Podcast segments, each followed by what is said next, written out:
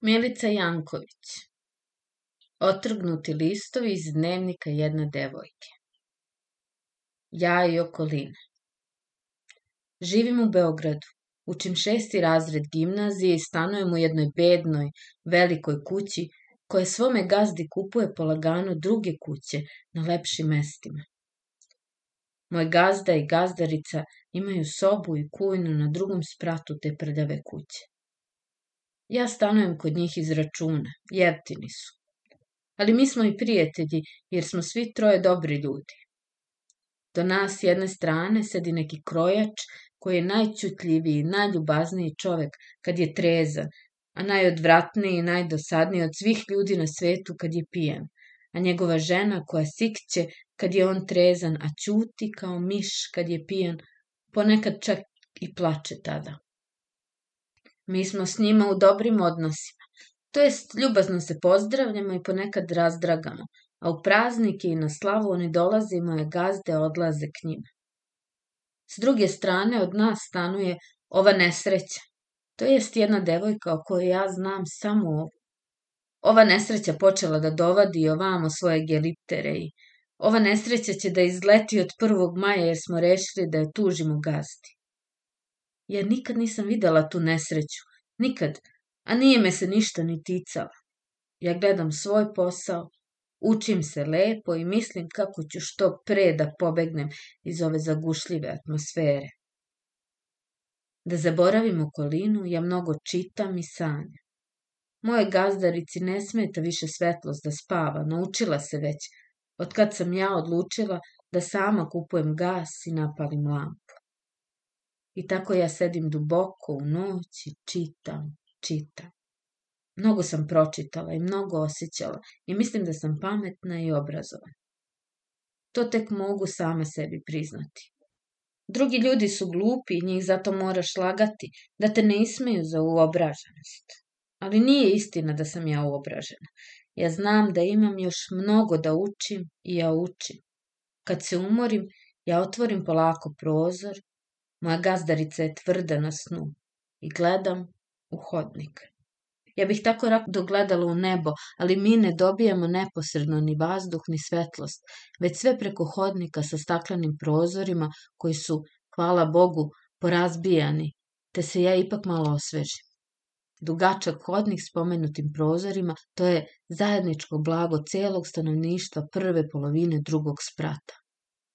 Soba i sobe u hodnik iz hodnika u kujnu, takav je raspored. Pa ipak, lep je taj naš hodnik, iako je ponekad prljav, iako ponekad grozno udara.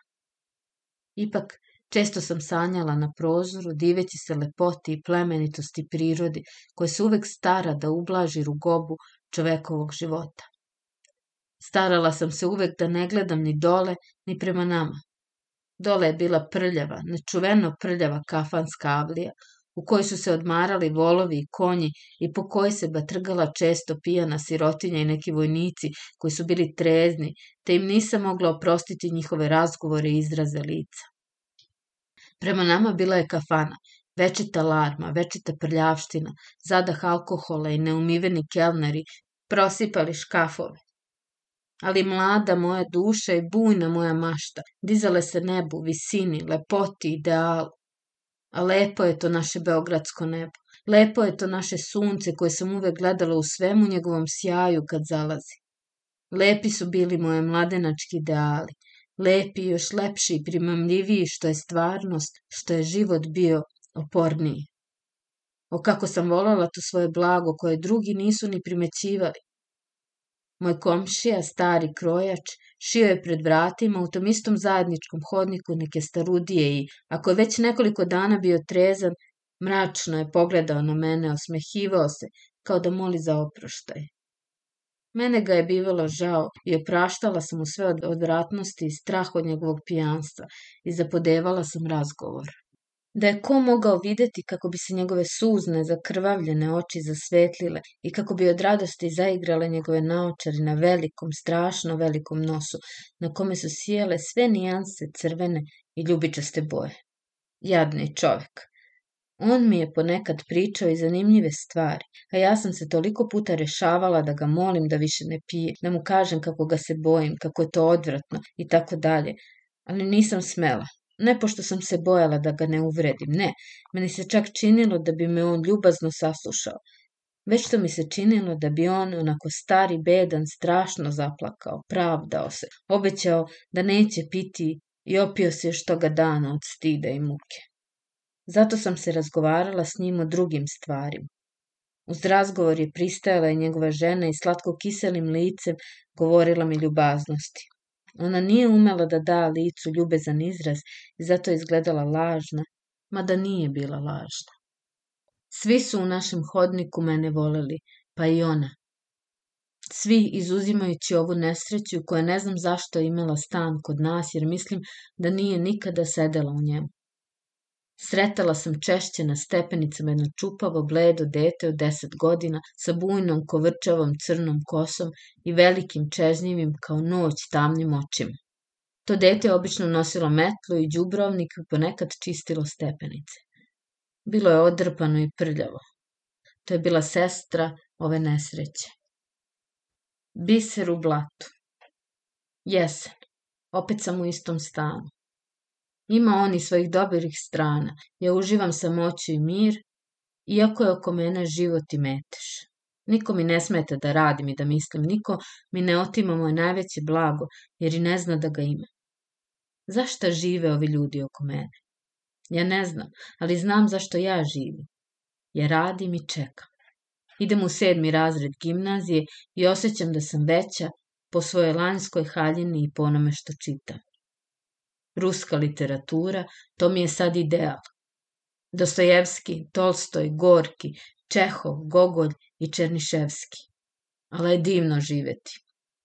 Ja, ja mogu da plačem suzama Dostojevskog, ja mogu da se nadam Tolstojevom vaskrsenju ljudi, ja mogu da toplo iskreno verujem lepim maštama Černiševskog. Ne, ne, ko ne poznaje ta osjećanja, ta je siroma kao poslednji prosjek, pa makar se bogatim uobražavao. Božanstvena je stvar literatura. Ona je kao neka plemenita zaraza ja sam tako srećna što mogu da osjećam i da razumem veliku ljubav i veliki bol velikih duša. Polako mi se otvaraju oči ja počinjem da volim ove ljude oko sebe i da ih žalim. Nedelja je. Rešili smo da idemo svi od kuće. Ja ću kod jedne drugarice provesti celo popodne, a gazdarica, gazda i susedi idu u topčider. U jesen i u proleće dva puta u godini oni se provetravaju. To tek nije mnogo ali ja sam se vratila rano jer moja drugarica nije bila kod kuće, a kod druge gde sam svratila nije mi se svidelo društvo. Dakle, vratila sam se i gurnula okno na kujni i izvadila ključ. Osjećala sam umor i samoću i prijatnost od oboga. Neću ništa da radim. Ne znam koliko sam presedela misleći. Zatim iziđem u hodnik. Tiho, neosetno, padao je sutan. Nesvesno sam gledala kako neka žena čisti ribu koju česme i kako voda pršti, kako se puši đubre iza štale, kako dva vola ležeći pored svojih kola preživaju. Bila je zapara i osjećalo se da se u prirodi nešto kuva, a pakleni smrad iz avlije trovao me je. Neko teško, mučno osjećanje pritiskalo me je dušu. Tako mi uvek biva pred kišu. Gledala sam tupo oko sebe ne znajući da li što mislim dok odjednom. Šta to bi? Svega nestade i kao da dahnu vetar i na stabljici zadrhta beli krin i prosu miris, tako zatreperi neki čist nebeski mio glas, pa odmah zatim se zvoni, zazvuča zatrube i diže se u nebo. Da nikad nisam videla nebo, ja bih mogla da ga zamislim po lepoti, po visini, po širini, po okruglini i ljubkosti toga glasa. Pesma je govorila o proleću, o vedrini, o osmehu cveća. Ali šta je to? Otkud to? Da nisam ja to umrla pa pevaju anđeli. Ne, ovo peva jedan glas, jedan anđel. Pa ipak to je raj, ništa drugo. Padao je sutan, a ja sam gledala kroz prozor drugog sprata u prljavu avliju.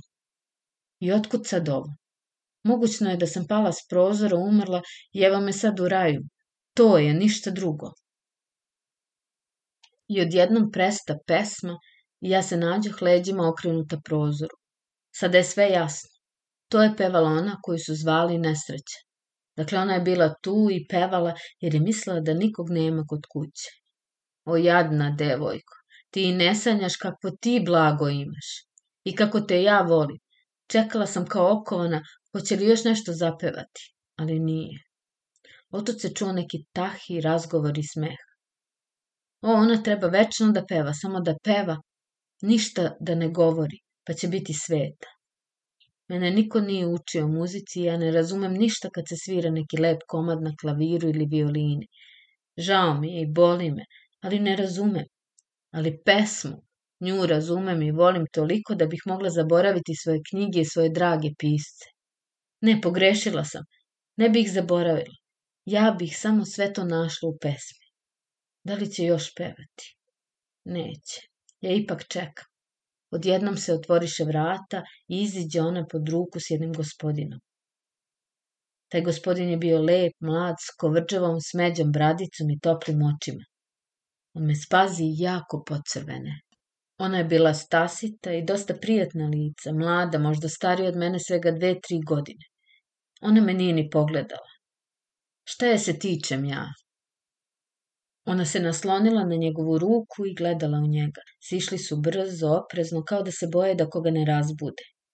Jeste, oni su se bojali da ne razbude ponos poštenih ljudi. Ali zašto je on pocrveneo?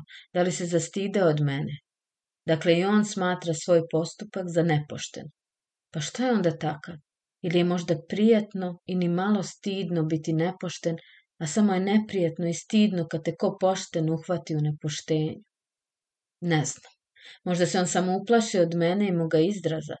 Ja sam sigurno bila vrlo bleda jer evo, sad osjećam kako mi se krv vraća u obraze. Čudno. On pocrveneo, a ona tako lepo peva. Da ja bih zbog tog pevanja mogla voleti. Zašto je pocrveneo? Prozor se na njihovoj sobi otvori, zatim i vrata i ono čupavo dete se pojavi na vratima žvaćući nešto. Dok je dim od duvana kuljao na prozor i vrata, dete otrča za metlu, zatim baci nepoverljiv pogled i poče da čisti sobu. Kad je svršila, zaključala i sletela veselo dole. Meni postade tesno i zagušljivo. Dohvatim šešir, pa iziđem, ne znajući kuda ću. Ali sam se uplašila mraka, koji je sve veći bivao ljudi koji su po mraku tumarali i vratim se s prvog ugla. O, što ne dođe gazdarica. Spopao me neki strašan strah. Kod kapije stoji ona devojčica, pored bakalinovog šegrta, jede alu sa žute hartije. Dohvati malo svojim olizanim prstićima i pruži šegrtu i pri tome priča. Dao mi je, znaš, gospodin Bora dinar. On je dobar, njega volim, a gospodin Miku ne volim. On mi daje samo 20 para, a gospodin Stevu mrzi. On mi ne da nikad ništa. I Dara voli gospodin Boru. Da znaš šta ga para on njoj daje. On je zdravo bogat. I Kiriju nam on plaća, a Dari kupuje haljine. A zašto? Pita radoznalo mali šegrt. Eh, ne znaš vada, pa voli je. Jao, jedva čekam da porastem, pa da meni tako mnogo para da daju, da imam uvek za bombone i lepe haljine. Tako reče to jedno dete i pogleda čežnjivo i tužno u nebo. Dotrčala sam gore i plakala, plakala. Jadnice mala, ti željno čekaš da dorasteš do poniženja. Da, da tebe će obasuti novcem bogata gospoda, jer ćeš biti lepotica. O Bože! Toga večeri pala je bujna, topla, gotovo letnja kiša. Dockanu veče vratili su se moji domaćini i majstor Joca i majstorica dobro raspoloženi i pokisli. Mnogo u bukvalnom, a malo u prenosnom značenju te reči. Pre nego što sam dopustila da zaspi moja gazdarica, ja sam je pitala za Daru, našu susetku što lepo peva ili ovu nesreću kako je ona zove. Gazdarica mi je pričala da je ona pre bila siroto devojče jedne bedne krojačice i da joj je pre četiri godine mati umrla, ona se već posle godinu dana pronevaljalila. Cara se noću s koje kim, a u zoru dođe ovde, pa čmava. Kad zna da nema nikog od kuće, onda dovlači i svoje švalere. Beštije jedna. Žalili smo se gazdi, pa neće da je otera kaže da ona nikom ne smeta i ne pravi nered, a plaća mu četiri dinara više kirije nego mi. Pa kućeš sad, mora da se trpi. Ali ona gazdarica divno peva. Uzviknula sam ja, kao da je to može odbraniti od moje časne gospođe. Pa ona je pevačica, kaže gazdarica. Samo to joj je sporedan posao. Od pevanja nema ni hleba dovoljno, a ona se Bog me lepo i nosi i hrani. Sad joj dobro ide. Neki ludak Bora se spanđao s njom, pa joj daje nemilice. On je iz dobre kuće, ali eto. Njegova mati umire od straha da ne sluduje, pa da se još i oženi njome. Ima i takvih budala. Tje, takve su danas srećnije. Završi moja gazdarica i uzdahnu. Meni se učini da ona nju mrzi više zato što je srećnija nego što je takva. Sirota moja gazdarica i sirota Dara. Toga večera, pre no što sam legla, pomislila sam nekoliko puta. Zašto je gospodin Bora pocrveneo? Podvig Moj gazda slavi svetog Nikolu. On je vrlo dobra srca i raspoloženja. Nije pijanica, samo tri put godišnje se opija, na Božić, Uskrs i na slavu. Preko noći, jer se preko dana čuva. Meni je dan njihove slave neprijatan, jer mi otme slobodu, ali da ih ne ožalostim, ja se staram da pokažem da se lepo provodim i razgovaram s gostima. Dan, kao na svačije slavi. Gosti se ređaju, služe, razgovaraju, ogovaraju i odlaze. Gledala sam redom za Natlije i njihove žene, kolege mojih domaćina. Razni tipovi s raznim izrazima. Lepi, ružni, ni lepi ni ružni, veseli, tužni, ubiveni i zadovoljni. Siti, jednom rečju, razni. Noću je tek prava slava. Jede se, pije, peva, priča bez ustručavanja. Mene je zainteresovao jedan mladić, obućarski kalp, čijem bi inteligentnom i lepom licu mogao zaviditi svaki pravnik i filozof. Ali on je tako i govorio, kao da je na četvrtoj godini univerziteta. Šta je govorio? Nešto nalik na ono što govore Gorki i Černiševski, a što je mene još više plenilo, jer je govorio jedan običan kalpa, a ne Gorki ili njemu slični. Upravo, ja sam u njemu gledala jednog neproslavljenog gorkog i divila mu se i radovala se što on to govori samo zbog mene, jer nas drugi nisu slušali. Mi smo brzo postali prijatelji i razgovarali vatreno, starajući se što smo mogli više da pokažemo šta znamo i da stečemo jedno od drugom što lepše mišljenje. On je govorio, a ja sam gledala u njegove crne oči u kojima su gorele dve vatre oduševljenje za nečim divnim, dalekim i tuberkulozna grozničavost. Zaboravila sam da kažem. On je imao oko vrata belu svilenu maramu koja je sakrivala škrofuloznu žljezdu. Siromah mladić. Oko dva sata noći on je otišao obogaćen jednim prijateljem više. Nastala je pijenka, ja sam sanjala o podvigu koje njegovo prisustvo stvorilo. Kako su gosti bili u kujni, a nije bilo izgleda da će se skoro razići, ja se izvinim i odem da spavam. Ležala sam i gledala u tamu i ponavljala reči.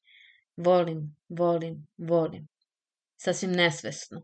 Odjednom uhvatim sebe na zlu delo i podrugljivo se upitah. Koga voliš? I objasnili smo se ja koja voli i ja koja se ruga. I obe smo dobile zadovoljenje. Ja nisam zaljubljena u tog mladića, već zato što nije pravnik ili filozof, već zato što ja uopšte nemam nameru da se ikad zaljubim. Ali ja ga volim i baš osjećam da bi ga mogla poljubiti lepo, iskreno, toplo, a da i ne pocrvenim i ne zbunim se. Pa ipak ne bi ga poljubila nikad, jer ovo što ja osjećam niko ne bi razumeo. Volim, volim, volim ceo svet. Tako je nešto šumelo kroz moju glavu i uz pijenu dreku iz kujne ja sam polagano padala u san. Sutra dan sam doručkovala u sobi jer je gazda, inače vrlo vredan, još spavao u kujni, dok se sasvim istrezni. Kad sam došla iz škole, kod naše kuće je sve bilo u svome starom redu, izuzimajući dva, tri gosta patarice. Ali kod majstorioce je bio lom i urnebes. On je sa slave otišao u kafanu, opio se do demonskog ludila. Tukao je majstoricu, razbijao tanjire, treskao vratima, a psovao i grdio tako da se čovek morao zgranjavati od užasa, od vratnosti i čuda. Upravo taj njegov urlik i psovka bili su neka vrsta demonske genijalnosti koju alkohol pozajmi čoveku, te se moraš krstiti. Otkud čovek koji je izgubio sposobnost čoveka da misli i ide, može da se doseti tako što da govori. O kako sam drhtala, kako sam se grozila. A sinoćni podvig, a volim, volim ljude, gde je to? Ne, ne volim ih, ali ih žalim, žalim. I plakala sam opet. Ja ću svoje oči isplakati, a ništa pomoći neću. Moj gazda se naljutio i pretio da će izgrditi tu pijanicu što mu je pravio nered na dan patarica. Ja sam rano pobegla u školu. A podvig? Propao je, ali ne zbog moje malodušnosti. Ja sam pokušala. Udesila sam da jednog dana ostanem sama kod kuće i išla sam kod pevačice, u njen stan, da joj govorim. Pitala sam prvo njenu malu sestru, hoće li da me primi njena velika sestra. Ona se zaprepastila i kazala, ali vi znate da kod nas niko ne dolazi.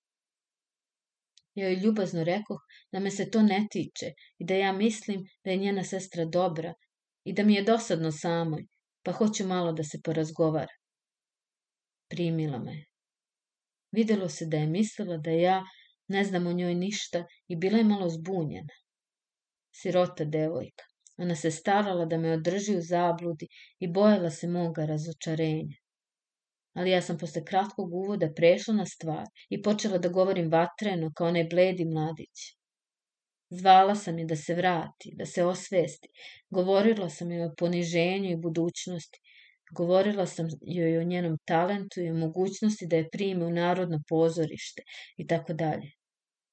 I znate šta mi je odgovorila?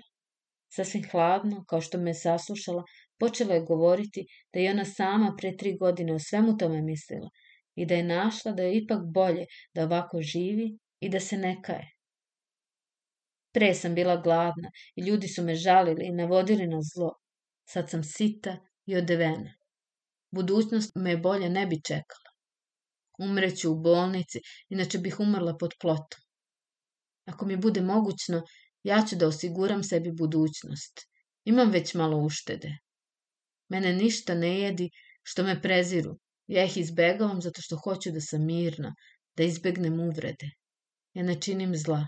Ja na svoj način zarađujem i ne stidim se. Tako mi je najlakše. Svoj talenat nije cenila ni u šta. Probala je veli ranije da stupi u neko putujuće pozorište, ali nije imala odela. Ja sam vrlo bedno izgledala. Tek otkad ovako živim, ja sam se popunila, znate, i haljine mnogo čine. Dakle, propao podvig. Ja sam u očajanju. Govorim o njenom glasu, o svojoj žalosti i ljubavi prema njoj i uzvikujem gotovo plačući. Ta, zar ne osjećate da gubite dostojanstvo čoveka, da se prodajete? Čini mi se da sam je malo uvredila. Ona mi reče. Prodajem sebe jer tako hoću. To je moja lična stvar. Svaki živi kako hoće. Ja ovako hoću i srećna sam. Prodajem se jer mi je lakše nego da kradem. Ako činim zlo sebi činim. Kome se gnuša neka me izbegava. I ja mrzim te poštene ljude koji preziru mene, a gledaju kako umire druga bedna poštena devojka kao što sam bila ja. Vi, gospodjice, vidim, vi hoćete da me spasete, ali to nema smisla, jer ja sam se sama spasla od onoga što ja smatram za bedu. Mi se ne slažemo, zato bolje da vi odete, a mene ostavite na miru. Vi ste dobri, ali ne razumete. Pobegla sam od nje, da ne plačem tamo. Propalo, propalo, propalo sve. Sirota devojka, ona je srećna. Sirota ja, ja sam nesrećna. Od tada se mi opet ne viđamo, ali kako nekad ja ostanem sasvim sama u celom hodniku, Ona otpeva po jednu pesmu. Zbog mene, ne zbog gospodina Bore, koga više nikad nisam videla.